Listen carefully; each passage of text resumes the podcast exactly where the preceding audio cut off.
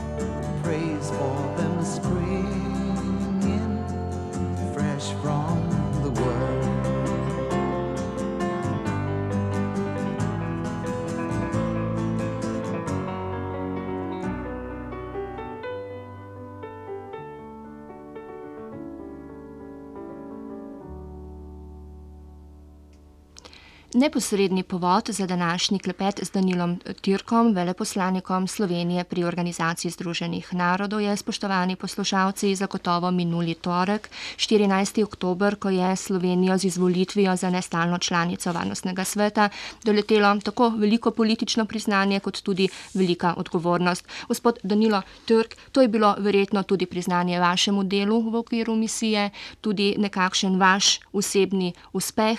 Je bilo morda kot kot včasih rečemo za uspeh, eh, navzoče tudi kaj sreče, zagotovo pa bomo potrebovali tudi v prihodnje in smo jo že, tudi pamet, da znamo priložnost dobro izkoristiti.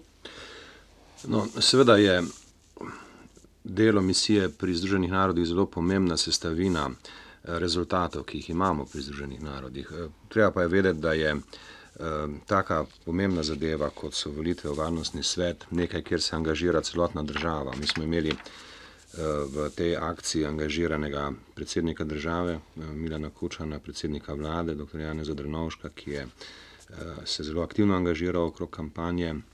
Mi smo angažirali tri zunanje ministre, ki so v tem času, kar je kampanja potekala, upravljali to svojo dožnost zunanjega ministra, ki so vsi trije aktivno prispevali k, eh, k kampanji. In seveda Eh, imeli smo diplomatsko mrežo angažirano okrog aktivnosti za to izvolitev.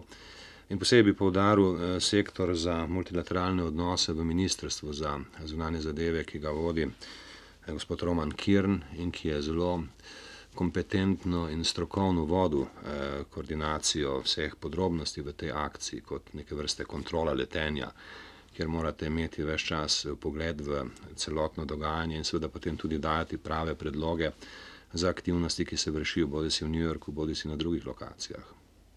Eh, pa vendarle ostaniva malce pri uspehu. Eh, ta uspeh za Republiko Slovenijo je vendarle izziv tudi za vnaprej.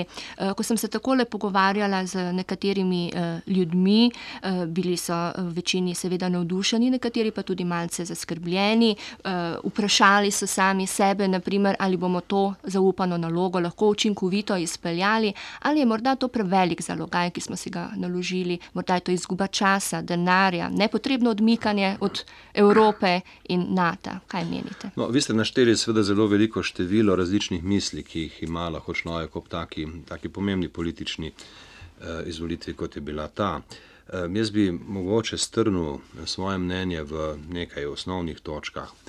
Najprej mislim, da eh, mi imamo Slovenci na določeno stopnjo samozavesti, ki nam zadošča, da se lahko spustimo tudi v zahtevnejše mednarodno-politične operacije. Eh, mi imamo sistem naše diplomatske mreže, ki je do določene mere razvit in ga bomo pač morali razvijati naprej. Eh, aktivnost v taki zahtevnejši nalogi pa je dobra prilika, da ga razvijemo naprej. Eh, mislim, da je v nekaterih komentarjih, ki jih berem tedni v tisku, opazi določeno pomankanje samozavesti. Jaz mislim, da je samozavest nam vse skozi zelo pomembna in da moramo to sedanjo situacijo razumeti tudi kot eno priliko, da lastno samozavest okrepimo. Opažam drugič, da obstaja pri nas en določen strah pred neznanim. Veliko komentarjev je takih, ki svarijo pred varnostnim svetom, pa se vidi, da pravzaprav ne vejo dobro, zakaj gre in da je pravzaprav ta strah bolj posledica nepoznavanja, kot pa posledica poznavanja neke recimo temu nevarnosti ali pa nekih izrazito znanih težav. Jaz mislim, da tukaj je treba pač stvari študirati. Mislim, mnogi naši ljudje, ne samo v diplomaciji, ampak tudi v novinarstvu, bodo pač morali prebrati to in ono in spoznati uh, načine dela varnostnega sveta. In bo tega seveda manj. In končno, uh, mislim, da je zelo važno razumeti, da je v regiji, v kateri se Slovenija nahaja, pravzaprav spoznano, da je Slovenija ta čas nekakšna naravna kandidatka za članstvo v varnostnem svetu. Če se pogleda države, ki so bile po koncu hladne vojne iz tega dela Evrope članice varnostnega sveta, se zelo hitro ugotovi, da so to bile najprej Mačarska, na to Češka republika in zdaj na zadnje Poljska. Slovenija spada v ta krok. Od nje se pričakuje, da prevzema odgovornosti, kakršne so sposobne prevzemati države v tem krogu. V tem krogu. In zaradi tega je seveda eh, predvsej naravno, da so nas mnogi podprli, ker vidijo Slovenijo kot državo, ki je razmeroma uspešna, ki je mnoge probleme že rešila, ki druge probleme še uspešno rešuje. In seveda, mnogi mislijo, da je pač prišel čas, ko je prav, da Slovenija prevzame tudi določene pomembnejše odgovornosti v organizaciji Združenih narodov. Kot ste že sami eh, nakazali, je eh, ta dožnost verjetno priložnost, da se soočimo sami eh, seboj, tudi v vsakdanjem življenju, ne le na politični ravni in preprosto doumemo, da Slovenija, kot se je izrazil slikovito naš slovenski politik, eden od kandidatov za predsednika države, ni popek sveta. Torej, zanimati nas bodo morale tudi posem druge teme, tudi kaj se dogaja naprimer v Afriki, za katero nekateri pravijo, da je že kar nekakšen potopljen kontinent v smislu zanimanja tudi nekaterih uh, velikih uh, sil. To pa je seveda tudi priložnost, da uh, Slovenija uh, naredi nekaj za svojo uh, prepoznavnost tudi v novi vlogi. Uh, v kakšnem pogledu lahko to stori? Vedete, pri teh vprašanjih gre vselej tudi za načela in probleme, ki zanimajo vsako državo na svetu. Ko smo mi v preteklih letih izredno aktivno nastopali okrog problematike Bosne in Hercegovine, tudi zaradi tega, ker problem poznamo in tudi zaradi tega, ker smo bili bolj kot drugi prizadeti s pričo dvoličnosti, ki jo so nekatere vodilne svetovne sile pokazale v svojem pristopu k vprašanju Bosne in Hercegovine, smo pravzaprav s tem odpirali neka načelna vprašanja, neka načelna vprašanja, ki zanimajo vse. In mi smo si pridobili en določen prestiž kot država, naprimer, če dam eno zelo konkretno ilustracijo, ki ima 90-odstotno katoliško prebivalstvo, ki pa je vendarle sposobna nastopiti v obrambo ne, skupine ljudi, ki so bili v določenem trenutku definirani kot muslimani. Ne. In zdaj, seveda, bilo bi zelo narobe, če bi eh, se Eh, ta naš angažma razumel samo kot posledica nekih geografskih ali zgodovinskih okoliščin. Mi smo branili pravico do obstoja vsake etnične in verske skupnosti. In to se je v Združenih narodih zelo slišalo, in potem smo postali zelo cenjeni. Mi smo pridobili veliko prijateljev v tistem času. Mnogi so eh, teze, ki smo jih mi razlagali v naših nastopih, uporabljali za svoje nastope. Mnogi so nas citirali zaradi tega, ker smo kot evropska država govorili stvari, ki so jih čutili mnogi, ampak so želeli ravno s citiranjem evropske države povedati, ne, da tista prikrivanja problemov, kot je, če da gre za versko vojno in da gre za neke etnične spopade in podobne reči, niso sprejeta in da uh, jih svet enostavno ne more sprejeti kot uh, razlago ali pa pravičilo za to grozovito vojno. Uh, hočem povedati, da smo mi v preteklih letih ne, z nastopanjem o stvarih, ki jih dobro poznamo, ustvarili tudi eno univerzalno platformo, mi bomo z podobnih izhodišč, iz podobnih načel in z argumentacijo, ki ne bo manj prepričljiva, lahko nastopali tudi, ko bo šlo za druga vprašanja. Omenili ste afriške situacije. Skupni imenovalec večine afriških situacij je vendarle eh, vprašanje demokratične ureditve, vprašanje eh, človekovih pravic, vprašanje pravice človeka do življenja. Mislim, tukaj gre za neka čisto elementarna in univerzalna načela, ki nam dajo izhodišče, da mi lahko aktivno nastopamo in tudi povemo svoje mnenje, ko gre za konkretne ukrepe. No, prav eh, na tej točki eh, bi morda dodala tudi eh, dvom in pa razmislek, ki smo mu priča.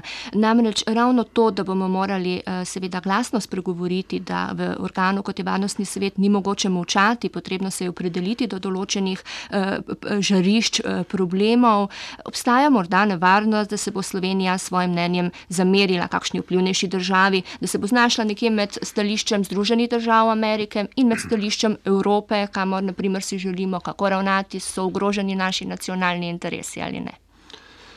No, tu mislim, da moram povedati dvoje. Prvič, Slovenija ni nova v nastopih. Mi imamo prakso nastopanja v Združenih narodih, tako v vprašanjih, ki so splošnega značaja, kot tudi v konkretnih vprašanjih.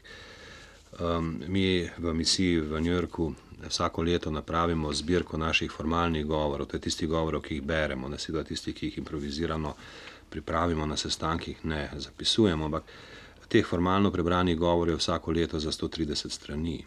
Eh, mi to zberemo, stvar, te, ti teksti so na voljo v Ministrstvu za zunanje zadeve in tudi širši javnosti, če jo to zanima. In naša stališča so znana. Mi nismo v Združenih narodih dojeti kot delegacija, ki molči. Nasprotno, mi smo dojeti kot delegacija, ki javno in kompetentno nastopa. Eh, kot šef misije pri Združenih narodih, seveda vedno gledam, da naš, naše, naše misli ne izostanejo tam, kjer jih je treba slišati.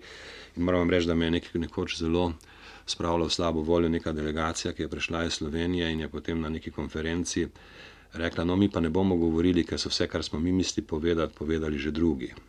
Mislim, da je to izrazito slab pristop. V Združenih narodih vas morajo videti in slišati, in mi smo tu nekaj dosegli v zadnjih letih. No zdaj, seveda, če se vrnem k vprašanju zamer in podobnih eh, problemov. Slovenija ima v svetu veliko prijateljev in prijatelji morajo vedeti, da so sestavni del prijateljstva tudi občasne razlike v mnenjih. Nam nihče ne more zameriti, da naša mnenja ne bodo stotstotno identična z mnenji drugih v vseh vprašanjih. In tu je spet samozavest nek osnovni kriterij, ki ga bomo morali imeti. E, nihče nam ne bo zameril, če bomo v nijansah raznih zanimivih in zapletenih političnih vprašanj drugačnega mnenja od Združenih držav Amerike v nekem trenutku ali od e, Evropske skupnosti, kadar bo ta sploh imela skupno mnenje. Veste, tudi v Evropski skupnosti oziroma Evropski uniji je veliko različnih mnenj in usklajevanje teh mnenj je zelo težko.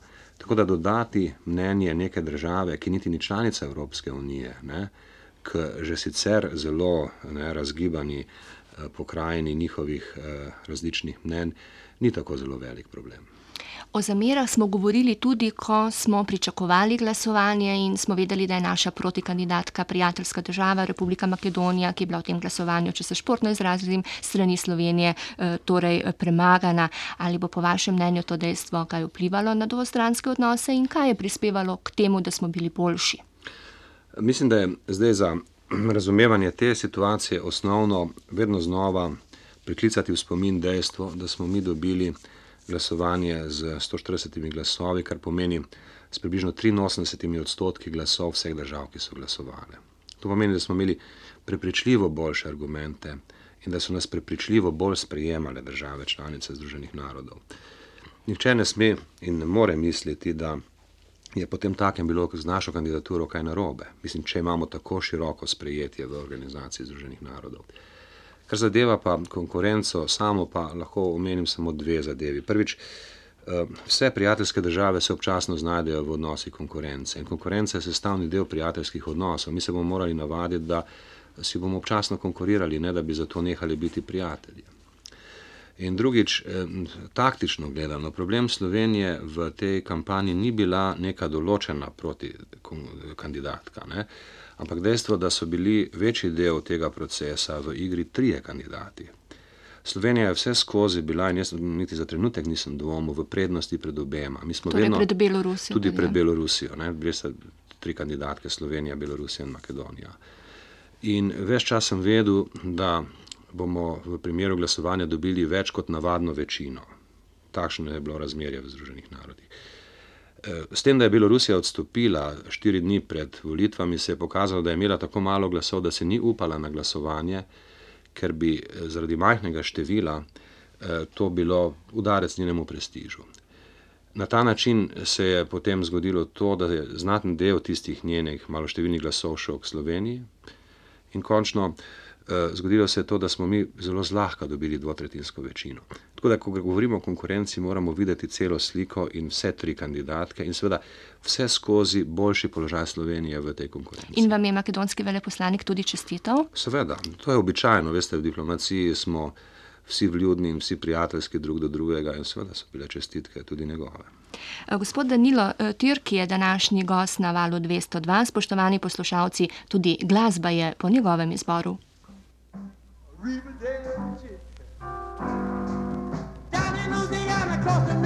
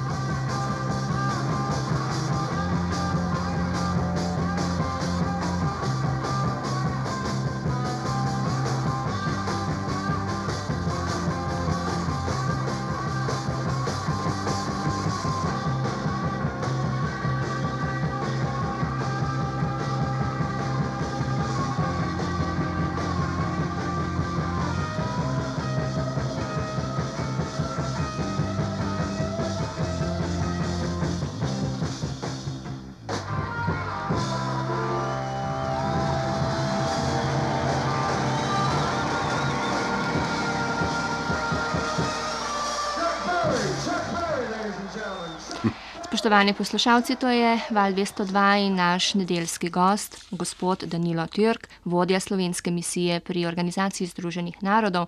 S kakšnimi nalogami se je vaša ekipa v New Yorku ukvarjala v začetku in kaj očaka, kateri izzivi prihodnje leto s 1. januarjem, ko bo Slovenija nestalna članica in naprimer avgusta, ko bo tudi predsedovala sejam Varnostnega sveta?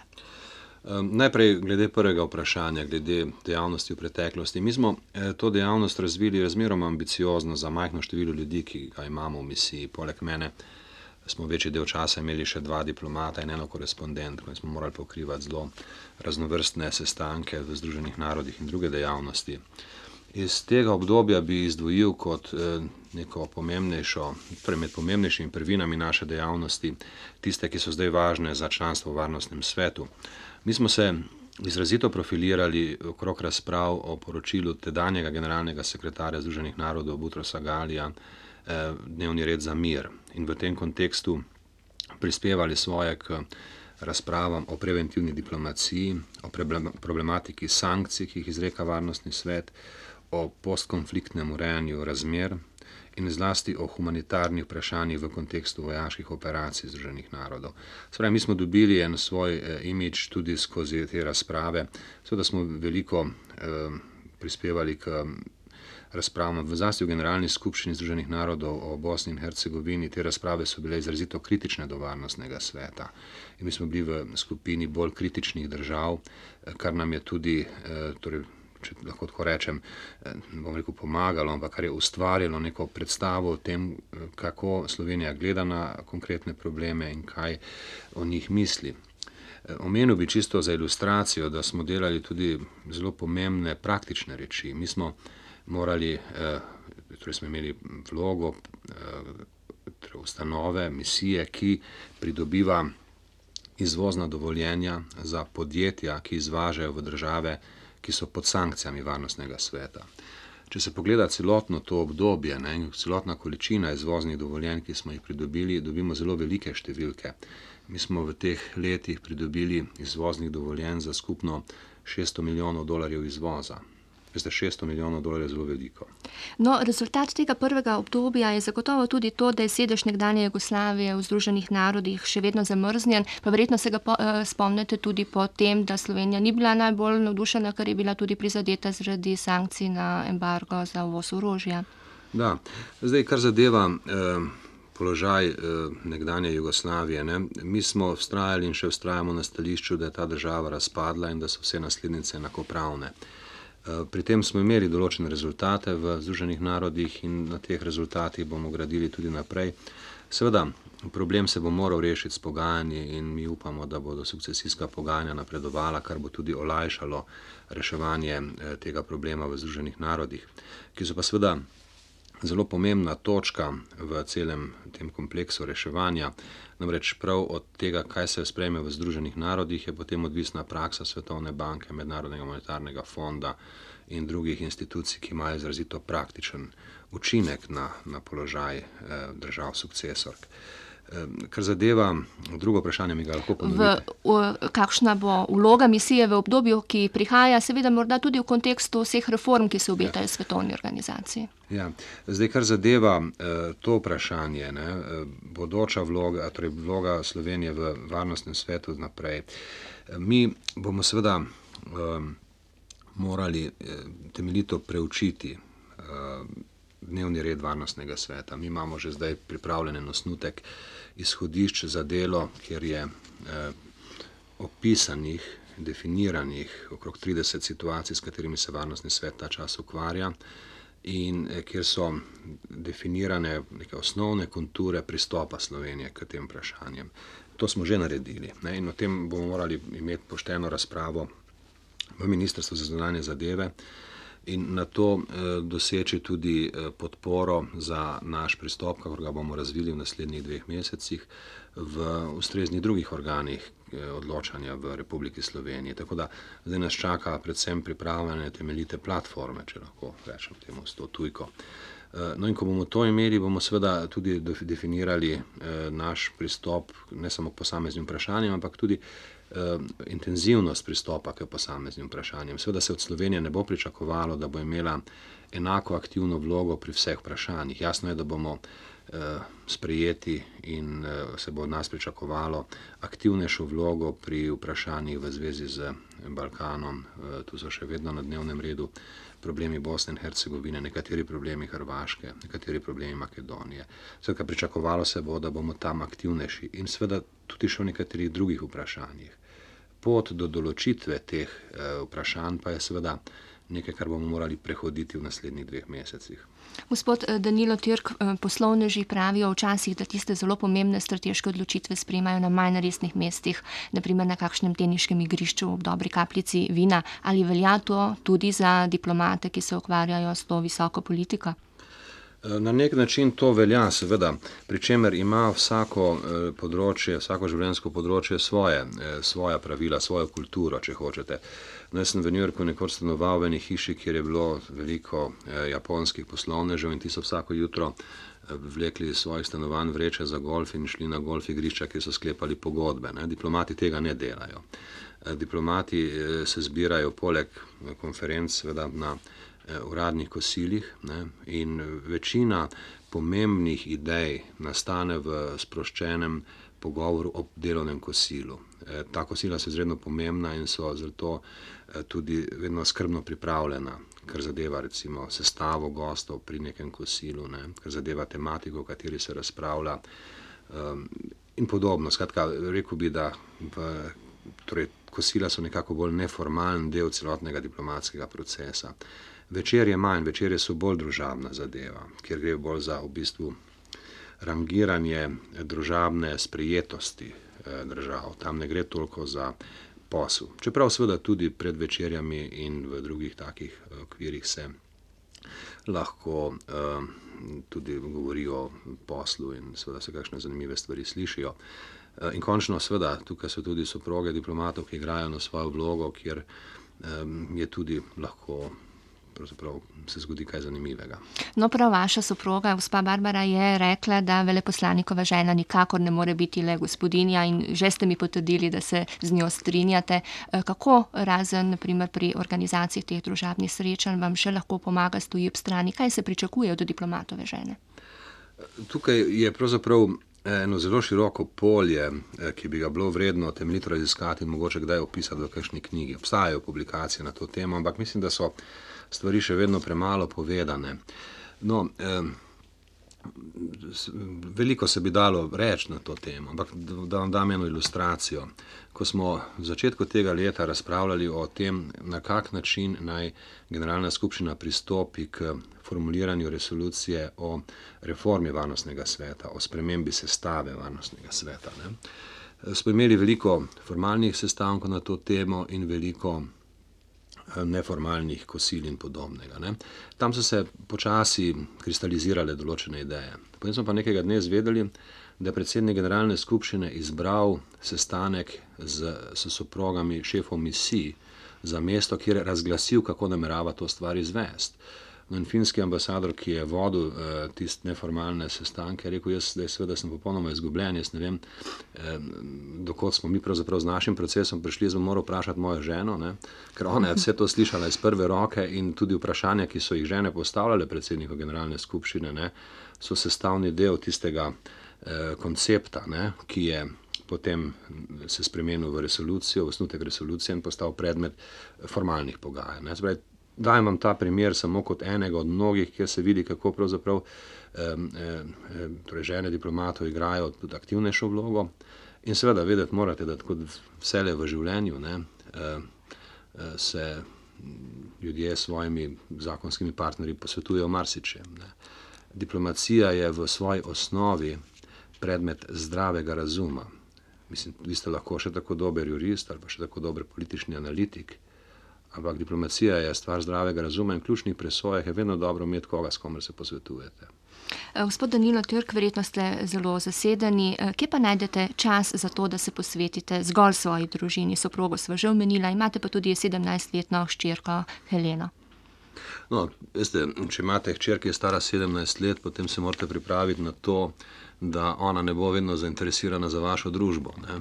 Mislim, jaz se posebno ne pritožujem zaradi tega, ker mislim, da imam hčer, ki je čisto dovolj zainteresirana za mojo družbo.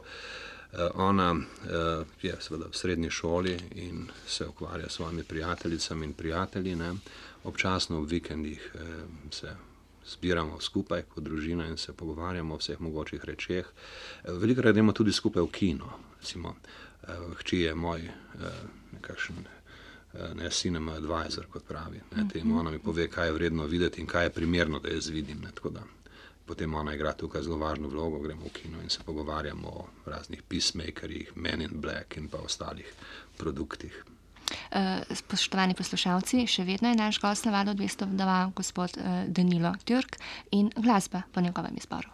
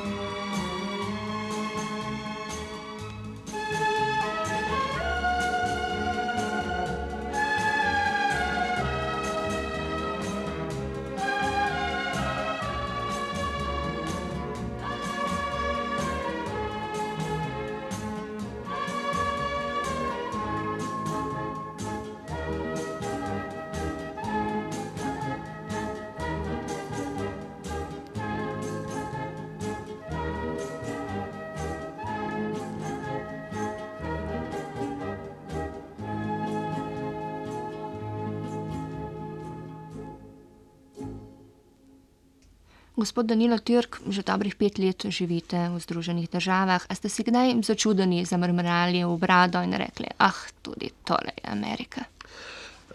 Veste, kako je? Amerika se človek navaja kontinuirano in po postopoma. Prva stvar, ki je mene v Ameriki zelo eh, presenetila, je pravzaprav stvari ne potekajo hitro v Ameriki. Mi imamo vsi iz hollywoodskih proizvodov tisto, da v Ameriki se vse zgodi zelo hitro. Ne? Če pridete v Ameriko in morate tam kaj urediti, ne, recimo poiskati stanovanje, urediti to in ono, kar gre s tem, se vidi, da je proces eh, zelo zapleten, zelo birokratski, zelo obremenjen z birokratskimi postopki in zelo dolgotrajen. Druga stvar te vrste, ne, ki je človek ne pričakuje, če ne pozna Amerike odprej, eh, je potrpežljivost američanov. Američani so ljudje, ki precej časa preživijo v vrstah, ki se ne pritožujejo, če recimo blagajničarka v trgovini zelo dolgo in počasi računa, kar pač ima za izračunati. Um, vidite, ne, da, so, da je ideja delitve dela včasih razvita do absurda. Ne. Mi smo imeli priliko recimo v neki trgovini srečati nekega simpatičnega uslužbenca, ki je bil tam zato, da je stal pri vratih in opozarjal vstopajoče kupce na neko stopnico, ne, da ne bi se kdo spotaknil, se poškodoval in potem uh, vložil očkodninske tožbe zoper, uh, zoper trgovino. Ne. Stal je pa pred vrati tako, da, da je svojim telesom prikrival odpiralni čas. In potem smo ga vprašali, dobro, kdaj je pa ta trgovina odprta. Ne? On je rekel, nimam pojma, to ni moj posel. Ne? Da bi vam to pripovedoval, moj posel je, da vam govorim o tej stopnici. No, Skratka, doživite stvari, ki so eh, precej nenavadne. Ne? In eh, Amerika je kulturno drugačna od Evrope. V vseh pogledih, mislim, o tem so seveda napisane knjige, ampak se stališča, eh, stališča individualne, osebne izkušnje, ne, vam lahko rečem, da pravzaprav to Eh, privajanje na Ameriko eh, je kontinuiran proces, ki ga vsak, ki tja pride, lahko doživlja dolga in dolga leta. Ali morda verjamete to, da je smeh pol zdravja in ali je tega smeha v vašem življenju eh, precej, odkar domujete oziroma večino časa preživite v stekleni palači tam na vzhodni reki ali vse tako smrtno resno? No, veste, kako je. Vsako, vsako področje življenja in tudi diplomacija in tudi to delo ima svoje zabavne trenutke, ima svojo, svojo manj resno plat, čeprav seveda je diplomacija in zlasti delo v nekem varnostnem svetu, naprimer, nadpoprečno resna zadeva. Mislim, resna glede na posledice odločitev, ki se tam sprejemajo, in resna glede na zahtevnost postopkov, po katerih se do odločitev pride. Tako da, uh, mislim, absolutno je resnost glavni del. Eh, jasno, da so tudi bolj eh, sproščeni trenutki, bolj zabavne situacije. In ljudje si veliko krat pomagajo v teh stiskah, ki gredo z odločanjem o vse zadnje življenju in smrti, ne, z, z nekimi paradoksi, z uh, pripovedovanjem nečesa, kar pravzaprav niso anekdote, niso šale, ampak neke paradoksalne misli, ki razbremenijo zračje. Ne. To je pravzaprav zelo težko eh, pripovedovati zunaj kroga, kjer se stvari dogajajo. Ker ti pripričan sem, da tako kot sicer ne, nekaj, kar deluje sproščujoče in zabavno v nekem krogu, deluje čudno in eh, ne, nespremljivo v drugem krogu. Tako da, če bi vam zdaj poskušal pripovedovati kaj, kar se recimo v tistem krogu razume kot primerna šala, ne, bi tu med nama v studiu ali pa ne, v, eh, v šestih poslušalcev zvenelo čudno, ne, bi zvenelo kot slab vic. Zato ja. se, odlo, sem se odločil, da tega, tega ne, ne bom počeli, poskušal. Ne bom ja. poskušal, čeprav so seveda tudi šaljive situacije. Ali se v življenju vedno odločate, pa mislim tako privatno, kot tudi uh, profesionalno, strokovno, zgolj po resnem premisleku ali zaupate tudi intuiciji, tistemu notranjemu glasu, ki je verjetno vsakemu od nas?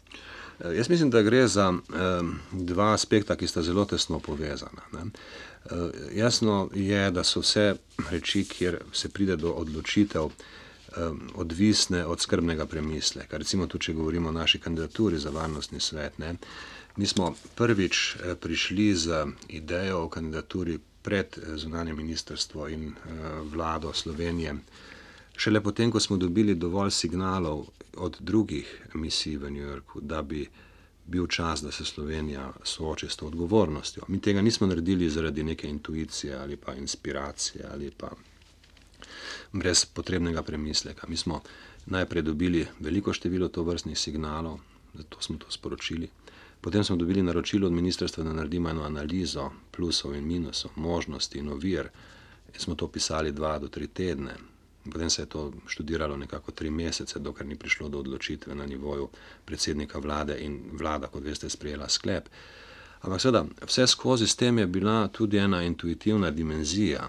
Mi smo nekako čutili, da smo zreli za ta posel. Ni tako, da bi to mogli racionalno dokazati, ne? ampak intuicija ima svoje mesto pri tej, v tem procesu. In lahko rečem, da smo bili potem, ko smo videli volilni rezultat, zelo zadovoljni, lahko rečemo, da nam je intuicija pri tem pomagala. Uh, gospod Türk, radi vzamete kakšno knjigo v roke, da si napolnite baterije, kot radi rečemo, torej da obnovite svoje psihofizične sposobnosti po napolnem delu? Ja, morate vedeti naslednje. V tem delu, ki ga zdaj upravljam v New Yorku, je tako, da imam eh, šest dni na teden, to pomeni pet delovnih dni plus nedeljo. Delovnik, ki traja od 10 do 12 ur na dan. To ni pretiravanje, to je enostavno konstatacija, ne, ki, ki mislim, da je zelo realna.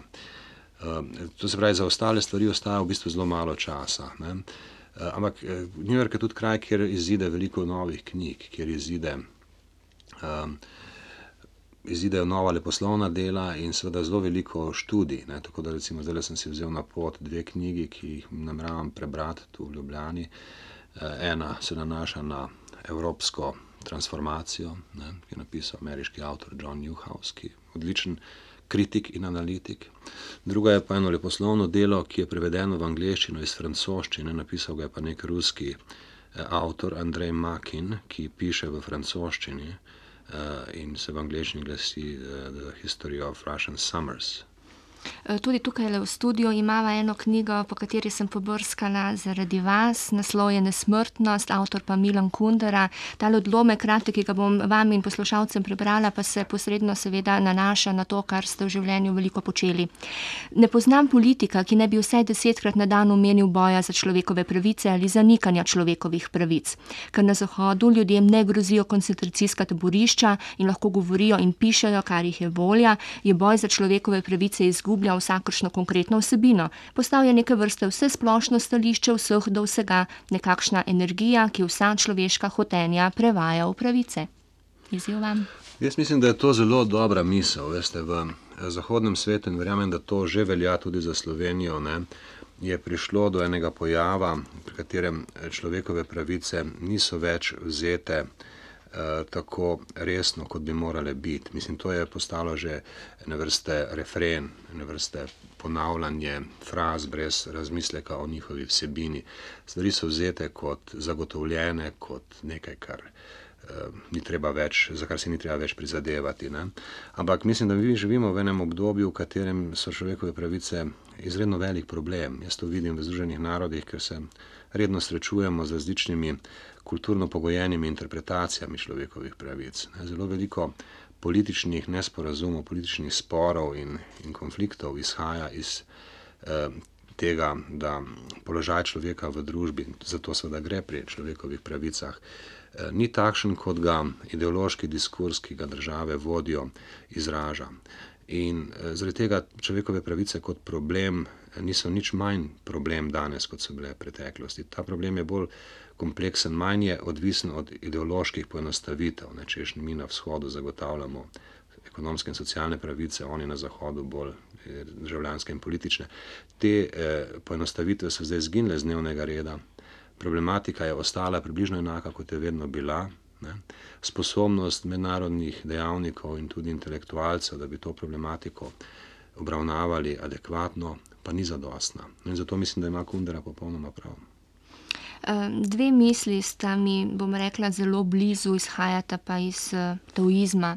Ena pravi, ne moreš žabi v luži, ki je omejena s krajem bivanja, govoriti o oceanu, druga pa, mornar ne more kontrolirati vetra in vodnega toka, lahko pa jo spretno izkoristi za sodelovanje. Gospod Danilo Tjörk, veleposlanik Republike Slovenije pri Organizaciji Združenih narodov, naš današnji nedeljski gost na valu 202, katera misel vam je v kontekstu nestalnega članstva Republike Slovenije in pa morda tudi vašega dela in dojemanja Slovenije z njujorške perspektive bliže?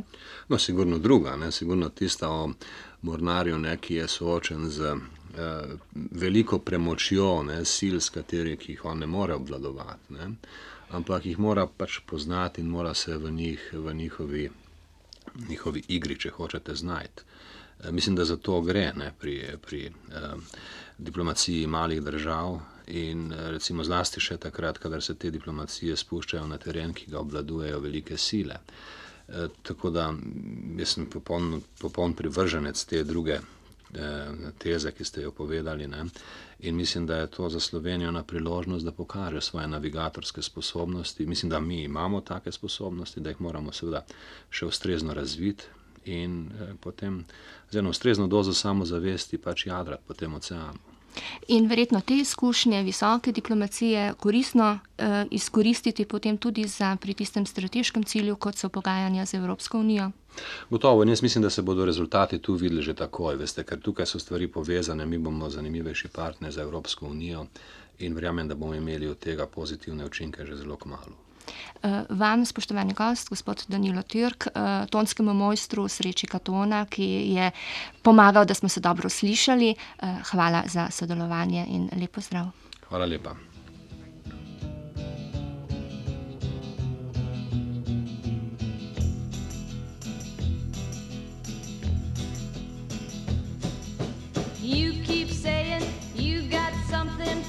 you call love, but confess. You've been a messin' where you shouldn't have been a messin'. And now someone else is getting all your best. These boots are made for walking, and that's just what they'll do. One of these days, these boots are gonna walk all over you.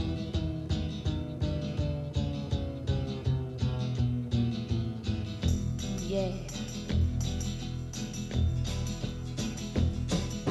You keep lying when you ought to be truthing. And you keep losing when you ought to not bet. You keep saying when you ought to be a changing. Now what's right is right, but you ain't been right yet. These boots are made for walking, and that's just what they'll do. One of these days, these boots are gonna walk all over you.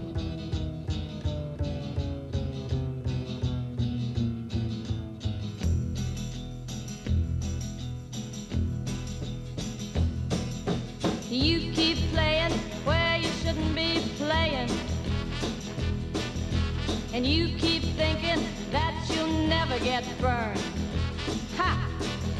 I just found me a brand new box of matches, yeah. And what he knows you ain't had time to learn. These boots are made for walking, and that's just what they'll do. One of these days, these boots are gonna walk all over you.